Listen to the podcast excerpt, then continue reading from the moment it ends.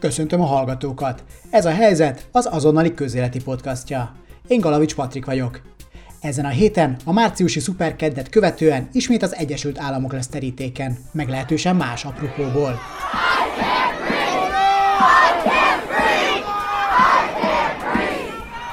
Miután május végén Derek Chauvin több mint 8 percig térdelt az őrizetbe vett fekete férfi George Floyd nyakán, aki hiába jelezte, hogy nem kap levegőt, belehalt a rendőri intézkedésbe.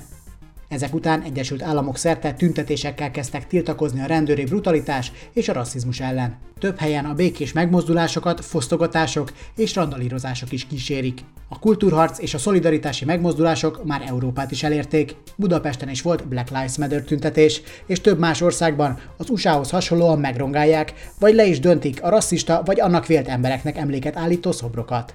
De hogy szabadulhattak el ennyire az indulatok az Egyesült Államokban? Három vendéggel keresek választ a kérdésekre. Kaló Máté külpolitikai elemzővel azt veszem sorra, a koronavírus járvány megfékezéséért tett elnöki intézkedések hogyan járultak hozzá a feszültségek növekedéséhez. Kicsit következetlen, na jó, mondjuk ki, nagyon következetlen, nem túl kompetens válságkezelés volt. A mérce szerkesztőjével, Tóth Csaba Tiborral az identitás és osztályharcok megjelenését értékeljük. Egy rendőr térdel egy fegyvertelen fekete nyakán, aki ebbe utána igazságügyi szakértő jelentés szerint is belehal, az bizony egy nagyon erős kép, az bizony fölveti azt, hogy a fai megkülönböztetés és elnyomás bizony egy komoly probléma.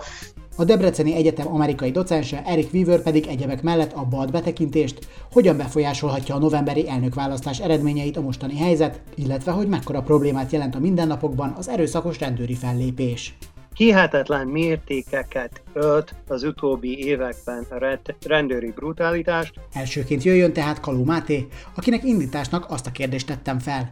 Hogyan lehet értékelni Donald Trump járványkezelését, annak tükrében, hogy az amerikai média hol katasztrófaként, hol hőstetként beszél erről.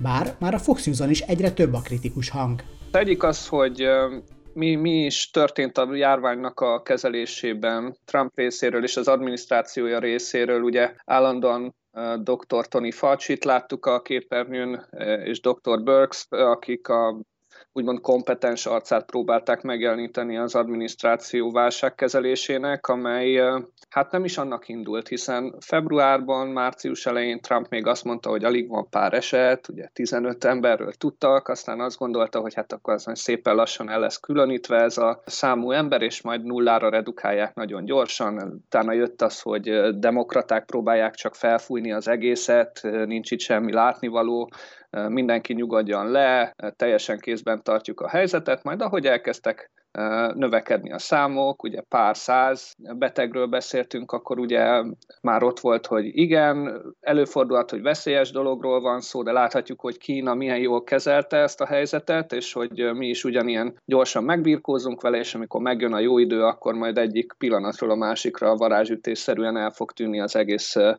vírus, majd amikor az ezres, tízezres nagyságrendbe kerültek a, a, már a halálozási mutatók, és milliós nagyságrendbe a, a fertőzöttség, akkor pedig jött a, a hárítás, ugye egyrészt arról, hogy ők persze mindent megtettek, mint adminisztráció, hiszen nagyon hamar lezárták a kínai és egyéb nemzetközi utazásokat. Zárójelbe teszem hozzá, hogy ez persze nem jelentette azt, hogy azok, akik amerikai állampolgárként tértek vissza külföldi utazásukról, azok meg bármiféle karanténba kellett volna akkor vonulnia, tehát azért ez is egy árnyalandó kép. És hát utána persze, amikor a legvégső stádiumba jutott már ez a helyzet, akkor megjött a, a Kínának a teljes pályás letámadása. Alapvetően egy, egy kicsit következetlen, na jó, mondjuk ki, nagyon következetlen nem túl kompetens válságkezelés volt. Nyilvánvalóan megoszlik a felelősség, hiszen a szövetségi köztársaságról lévén szó az államoknak nagyobb hatásköre van, a kormányzóknak is ebből nagyon nagy viták voltak Trump és a főleg demokrata kormányzók között. Nyilvánvalóan ez azt is jelenti, hogy a gazdaságot ez jobban sújtja, hiszen a gazdasági aktivitást jobban korlátozzák ezek a fajta ö, szigorítások, és Trump pedig azt mondta, hogy nem lehet fájdalmasabb a kezelés, mint a betegség, a gazdaságnak országnak újra kell indulnia, és a többi, és a többi. Úgyhogy itt ez már nyilvánvalóan novemberi választásokra való előretekintés a részéről. A másik dolog, ami, ami abból, amit mondtál, kitűnik, hogy helyzet az, hogy a mostani válságkezelés során azért a Fox News-on is eléggé rendesen akadtak kritikus hangok Trump válságkezelésével kapcsolatban. Ugye most Chris Wallace-ról beszélhetek, aki, aki azért mondjuk korábban is ejtett már el kritikus megjegyzéseket Trumpal kapcsolatban. Chris Wallace már egy szakértőnek feltett kérdéseivel is kiborította Trumpot, amikor arról érdeklődött, az elnök elkésett járványügyi intézkedéseiért milyen árat kellett fizetnie az amerikaiaknak. How much did those lost weeks cost us? When you say be in a much better position. If we had imposed social distancing, stay at home uh, in at the end of January or in early February, would there be a dramatic smaller number of uh, cases and deaths? Uh, Neil Cavuto, aki Trumpnak a hidroxikloroquin nevű gyógyszer uh, szedésével kapcsolatban nem szakmai alapokon nyugvó kijelentéseit bírálta, hiszen ő mondta azt, hogy már hát igazából hetek óta szedem ezt a gyógyszert, ez egy malária gyógyszer ugyebár, és uh, nagyon jól működik az orvosok szerint, aztán utána a WHO és az amerikai hatóságok is ejtették ezt a gyógyszert az ajánlott készítmények közül, hiszen a nagyon súlyos mellékhatásai lehetnek. És Trump ezeket a nagyon súlyos felelősségeket nem tudta értékelni normálisan, és azt gondolta, hogy az érzései és intuíciói elegendőek ahhoz, hogy tanácsokat adhasson az amerikai társadalomnak a vírus kezelésében, és ez bizony akár már a Fox News-nak a iránta jóval lojálisabb műsorvezetői és beszélőfejei is megemlítették, ez persze Trump egy nyílt színi árulásnak értékelte, és azt mondta, hogy hát a fox komoly problémák vannak, és lehetséges, hogy egy új jobboldali médiumra vagy, vagy médiára lesz szükség hosszabb távon, úgyhogy vannak itt is azért repedések a felszín alatt. Fontos volt, amit említettél, meg Anthony Fauci-t én is szóba akartam hozni, aki nekem egy ilyen kicsit ilyen, ilyen amerikai Müller Ceciliává nőtte ki magát, és ő is azért szembe ment Trumpal, vagy legalábbis érdekes kijelentéseket tett, például a, a Science magazinban amikor megkérdezték, hogy mi a véleménye arról, amiket Trumpnél kijelent, például itt a, ezzel a malária gyógyszerrel kapcsolatban, akkor ő, akkor ő például elmondta, hogy hát most mit tudnék tenni. Utána én kicsit rendbe teszem ezeket a dolgokat, nekem az a fontos, hogy a tények kerüljenek ki.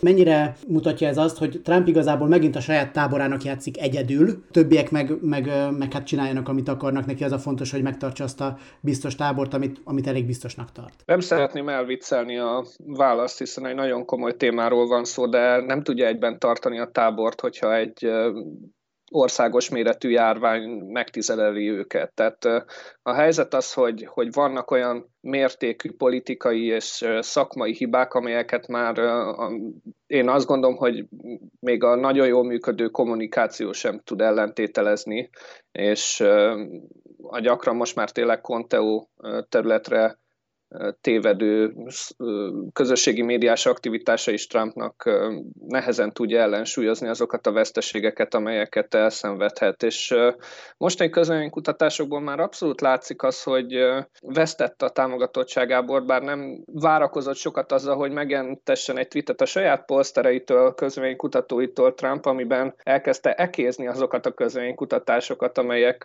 őt gyengébben hozzák ki az elmúlt hónapokból majd meglátjuk nyilvánvalóan, hogy ezek mennyire helytállóak, hogyha már egy hosszabb távú trendet láthatunk, meg ugye nyilvánvalóan 2016-ból kiindulva a közvéleménynek is van egy minimális kritikai szemüvege, amikor ránéz a közvénykutatásokra, hiszen 2016 még november elején is, napokkal a választások előtt is úgy nézett ki, hogy nagyon kényelmes Hillary Clinton győzelem lehet a ha csak a kutatásokra tekintett rá valaki, úgyhogy... Igen, ez a Newsweek címlap a Madame Presidenttel, az, az szerintem beleégett elég sokaknak az emlékezetébe. Kína és a WHO szerepe, tehát oké, okay, gyárt konteokat Trump, ugyanakkor meg meg nagyon erősen muszerolja Kínát és a WHO-t. They misled us. I don't know. They must have known more than they knew. They're literally a, a pipe organ for China. That's Akiket egyébként nem is annyira kell feltétlenül, mert valóban uh, elég érdekes összefonódások vannak, meg uh, valóban hibázott Kína is, meg a WHO is itt a járványkezeléssel kapcsolatban. Ez mennyire meghatározó az ő táborában, meg úgy egyáltalán mennyire elfogadott kínai vírus magyarázat Amerikában, és mennyire lehet ez erős magyarázat, mennyire lehet elfogadható magyarázat, akár mondjuk a demokrata táborban is? Alapvetően Trump, hogyha mondjuk visszanézzük a média szerepléseit, amelyeket külpolitikai vagy kereskedelmi témában tett az elmúlt 4-5-6 évben, tehát már a, a elnökségét megelőző időben is Kína az mindig kiemelt szerepet kapott benne.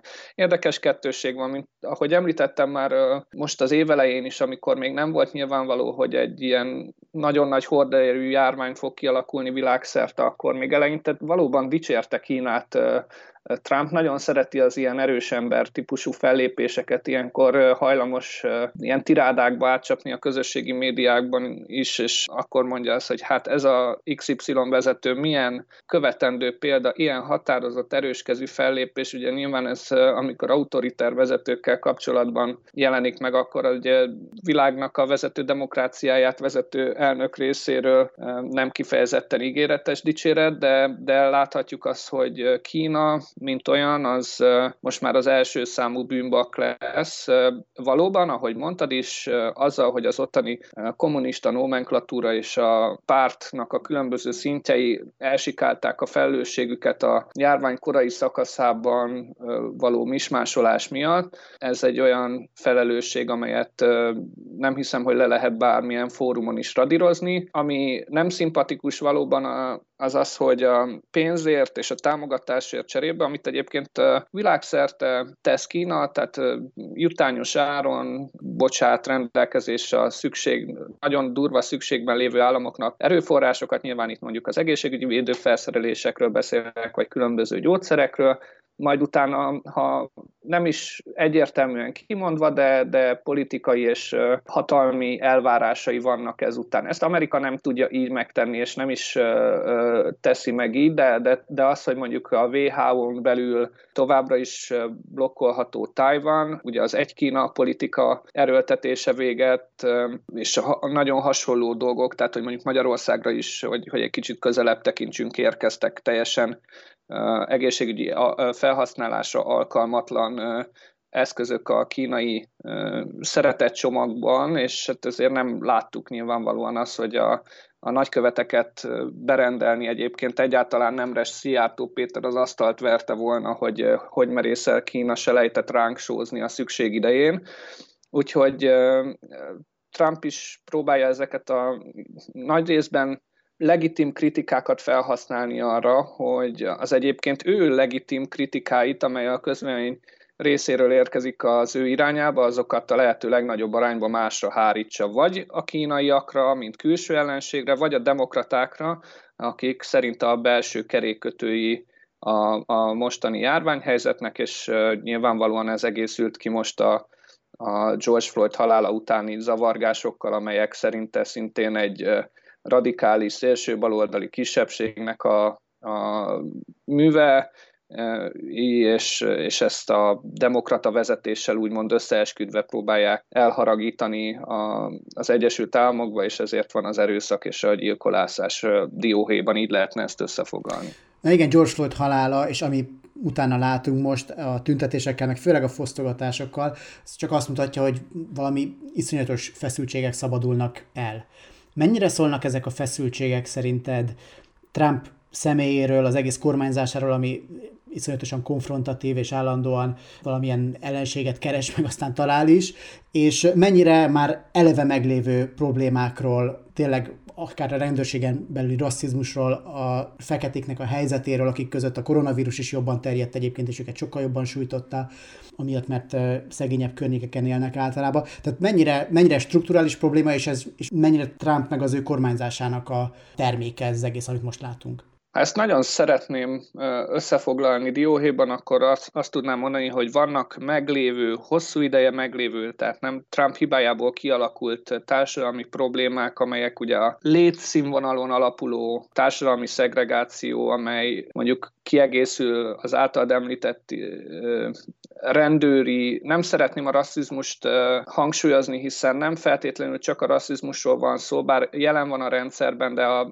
nevezük inkább hátrányos diszkriminációnak, ami sokkal inkább jellemző, ugye a magasabb előállítási arány, jóval magasabb arányban vannak a feketék bebörtönözve. Nyilvánvalóan ennek van egy olyan oka is, hogy társadalmilag évtizedek, évszázadok óta elnyomásban lévő rétegekről beszélünk, amelyeknek a jogi felszabadítása és egyenjogosítása nem jelentette az, hogy a, a felhalmozódott társadalmi problémáik varázsütése megoldódtak volna, és azt kell, hogy mondjam, hogy valószínűleg szakpolitikai szempontból, bár a gazdaság a vírus kitöréséig eléggé jó formát mutatott, de azóta láthattuk, hogy a strukturális gyengeségei az Egyesült Államok gazdasági, társadalmi, szociális rendszerének azok akkor jelennek meg leghangsúlyosabban, amikor ez a, ez a jól működő rendszer kap egy külső vagy belső ütést, és megrodjan, akkor ezek az elnyomottabb,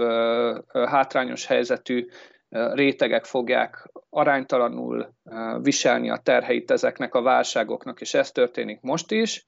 Azt gondolom, tehát Donald Trumpnak a, a szakpolitikái, bár a gazdaságot még egyszer szeretném megismételni, jó állapotban hagyta, míg a járvány nem sodorta most az idei év tavaszán, de ettől függetlenül valószínűleg nem tett az adminisztráció jelleget azért, hogy ezekből a gazdasági növekedésből származó javaknak az elosztása az a társadalmi felzárkóztatást elősegítse megfelelő mértékben, és azt gondolom, hogy ez párosulva az ő nagyon megosztó, nagyon keményen pártos politikai kommunikációjával. Ez megágyaz azoknak a tüntetéseknek, zavargásoknak, amik most kialakultak, és ami a, a még nagyobb felelőssége, akár történelminek is nevezhető felelőssége, hogy nem elég, hogy a, a zavargásoknak a kitöréséhez nagyon hozzájárult az ő kommunikációja, de már a kezelésében sem törekszik igazából arra, hogy egy nyugodt, kiegyezést sürgető, egységet kifejező kommunikációt vagy hozzáállást tanúsítson, és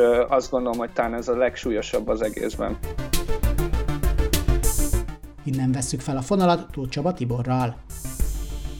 Kaló Mátéval ott fejeztem be az előző interjút, hogy a mostani zavargások, amiket látunk az USA-ban, azok mögött részben olyan strukturális problémák vannak, amik Trump nélkül is ott voltak a rendszerben, ilyen például a rendőrségen belüli negatív diszkrimináció. De az is igaz, hogy a jó gazdasági eredmények, amik egyébként eh, Trump kormányzása alatt eh, megvoltak, azokból nem profitáltak annyit a szegényebb rétegek, mint amennyit ők profitálhattak volna, volna így az abban egyébként felül reprezentálta a jelenlévő feketék, sem élnek annyival jobban, mint amennyivel jobban élhetnének, hogyha jobban működne az újraelosztás. Kiegészülve mindez Trumpnak a személyiségével, meg a kormányzásával, aztán nem kell meglepődni, hogy, hogy ilyen zavargásokhoz vezet. Te hogy látod ezt a témát. Trump nélkül is előjöttek volna szerintem ezek a problémák, érdemes csak Fergusonra vagy Baltimore-ra gondolni 2014-15-ben. Alapvetően az amerikai gazdasági szerkezetnek a mély rétegeiben van egy ilyen egyre kevésbé működő elosztás, egyre nagyobb vagyoni egyenlőtlenségek, amely egyébként brutális rendőri erőszak növekedéssel. Tehát már az a 2000 jár, tehát már az a 2010-es évek elején is nagyjából látható volt, hogy mondjuk 2011-ben, ha jól emlékszem, 576 halálos áldozata volt rendőri fellépésnek például, és 2013-ra ez lett valami 700 valamennyi az első fél évben. Ez, ezek a folyamatok igazából szervesen összefüggenek valamennyire, hogyha a társadalom igazából elkezd ennyire szétesni, még hogyha nem is klasszikus nyomort látjuk, ami ilyenkor gondolni szoktunk, tehát hogy, hogy nem ez a harmadik világbeli nyomor, bár már az is megjelent egyébként Amerika bizonyos városaiban, akkor is nagyon fontos, hogy mit látnak mondjuk az alsó 50 százalékban az életük lehetőségeinek az emberek, és hogy mit látnak, hogy tudnának ebből kimozdulni, és hogyha a hagyományos politikai módszerek, választások, elnökválasztás, elnöki programok, stb. nem működnek, akkor bizony, hát itt zavargásoknak szeretik hívni, oda át Amerikában inkább a lázadások terjednek el, már a 60-as évek óta használják ezt. Ez egy, ez egy ö, olyan módszer, ami sokaknak nyilván nem tetszik, de amivel el lehet érni azt, hogy, hogy a figyelem ezekre a problémákra irányuljon, és nem máshova, és mondjuk ne egy, egy tévésónak a helyességéről, vagy nem helyességéről folyjon a vita, vagy egy színésznőnek a megszólalásáról, hanem tényleg konkrétan az van mindenhol a közbeszédben, ami igazából az emberek problémája ott. Tehát, hogy igazából ez már többször előfordult a, a 60-as évek végétől, 70-es évek elején. A, minden, amit most mondtál, az nekem nagyon egybecseng azzal, amit Cornel West filozófus mondott pár héttel ezelőtt a, a CNN-en. Ő mondjuk elég sokszor megszólal az amerikai médiában, egyébként a jobboldali médiában is elég gyakran feltűnik vitapartnerként. Ő azt mondta, hogy igazából a neoliberális rendszer mondott csődöt, mert a, a demokraták sem értik, hogy miért nem megoldás a problémákra az, hogy volt egy fekete elnök, egyébként fontos pozíciókban, más fontos pozíciókban is ültettek fekete embereket, hogy, hogy hát ezzel megvan oldva a rasszizmus, és ezzel, ezzel kezelik a rasszizmus témáját. Nagyon egybecsengett nekem ez a, az értelmezés azzal, amit most te itt elmondtál. Hát szerintem igen, a Cornel Westet én is hallottam, azóta már többször végigjárta a CNN-t, ami így furcsa, mert elég régen volt. Azt gondolom, hogy igen, sokat beszélt a neoliberalizmusról egyébként, mint problémáról, ami viszont nem a fő problémának tart, hanem ez egy rossz válasz igazából arra a neokonzervatív és szélsőjobboldali kurzusra, amit, amit a Trumpék képviselnek, meg ami már kicsit előtte is ott volt, csak hát a szélsőjobboldali réteg az ugye nem kapott semmilyen módon hangot, holott már régen óta is igazából jelen vannak ebben a választási koalícióban. És hát ez a neokonzervatív, ezt, ezt érdemes ennek nevezni, ez, ez a kapitalista termelési módot egy picit máshogy fogja föl, mint a neoliberális, tehát például nem hisz annyira pozitív diszkrimináció, meg ilyen apró különbségek, de valójában mind a kettő egy kapitalista termelési módnak, nem az egyetlen kapitalista termelési mód, de az amerikai kapitalizmusnak a két arcát jelenti, mind kifelé külpolitikában, mind belpolitikában. És ha jól emlékszem, West ezt arra mondta, hogy igazából maga a rendszer belső, békés, mindenféle külső és erőszakos beavatkozás nélküli reformja bukott meg megint. Halljuk akkor pontosan. A Princeton Egyetem tanára valóban arról beszélt, hogy a jelenlegi rendszer képtelen megreformálni önmagát. It looks as if the system cannot reform itself. We've tried black faces in high places. Hiába próbált ki magas pozíciókban feketéket, ez nem segített mert a kapitalista rendszer előbb-utóbb őket is elszédítette. Az eredmény pedig egy szerinte neofasiszta gangster lett a Fehérházban. We got a neo-fascist gangster in the White House who really doesn't care for the most part.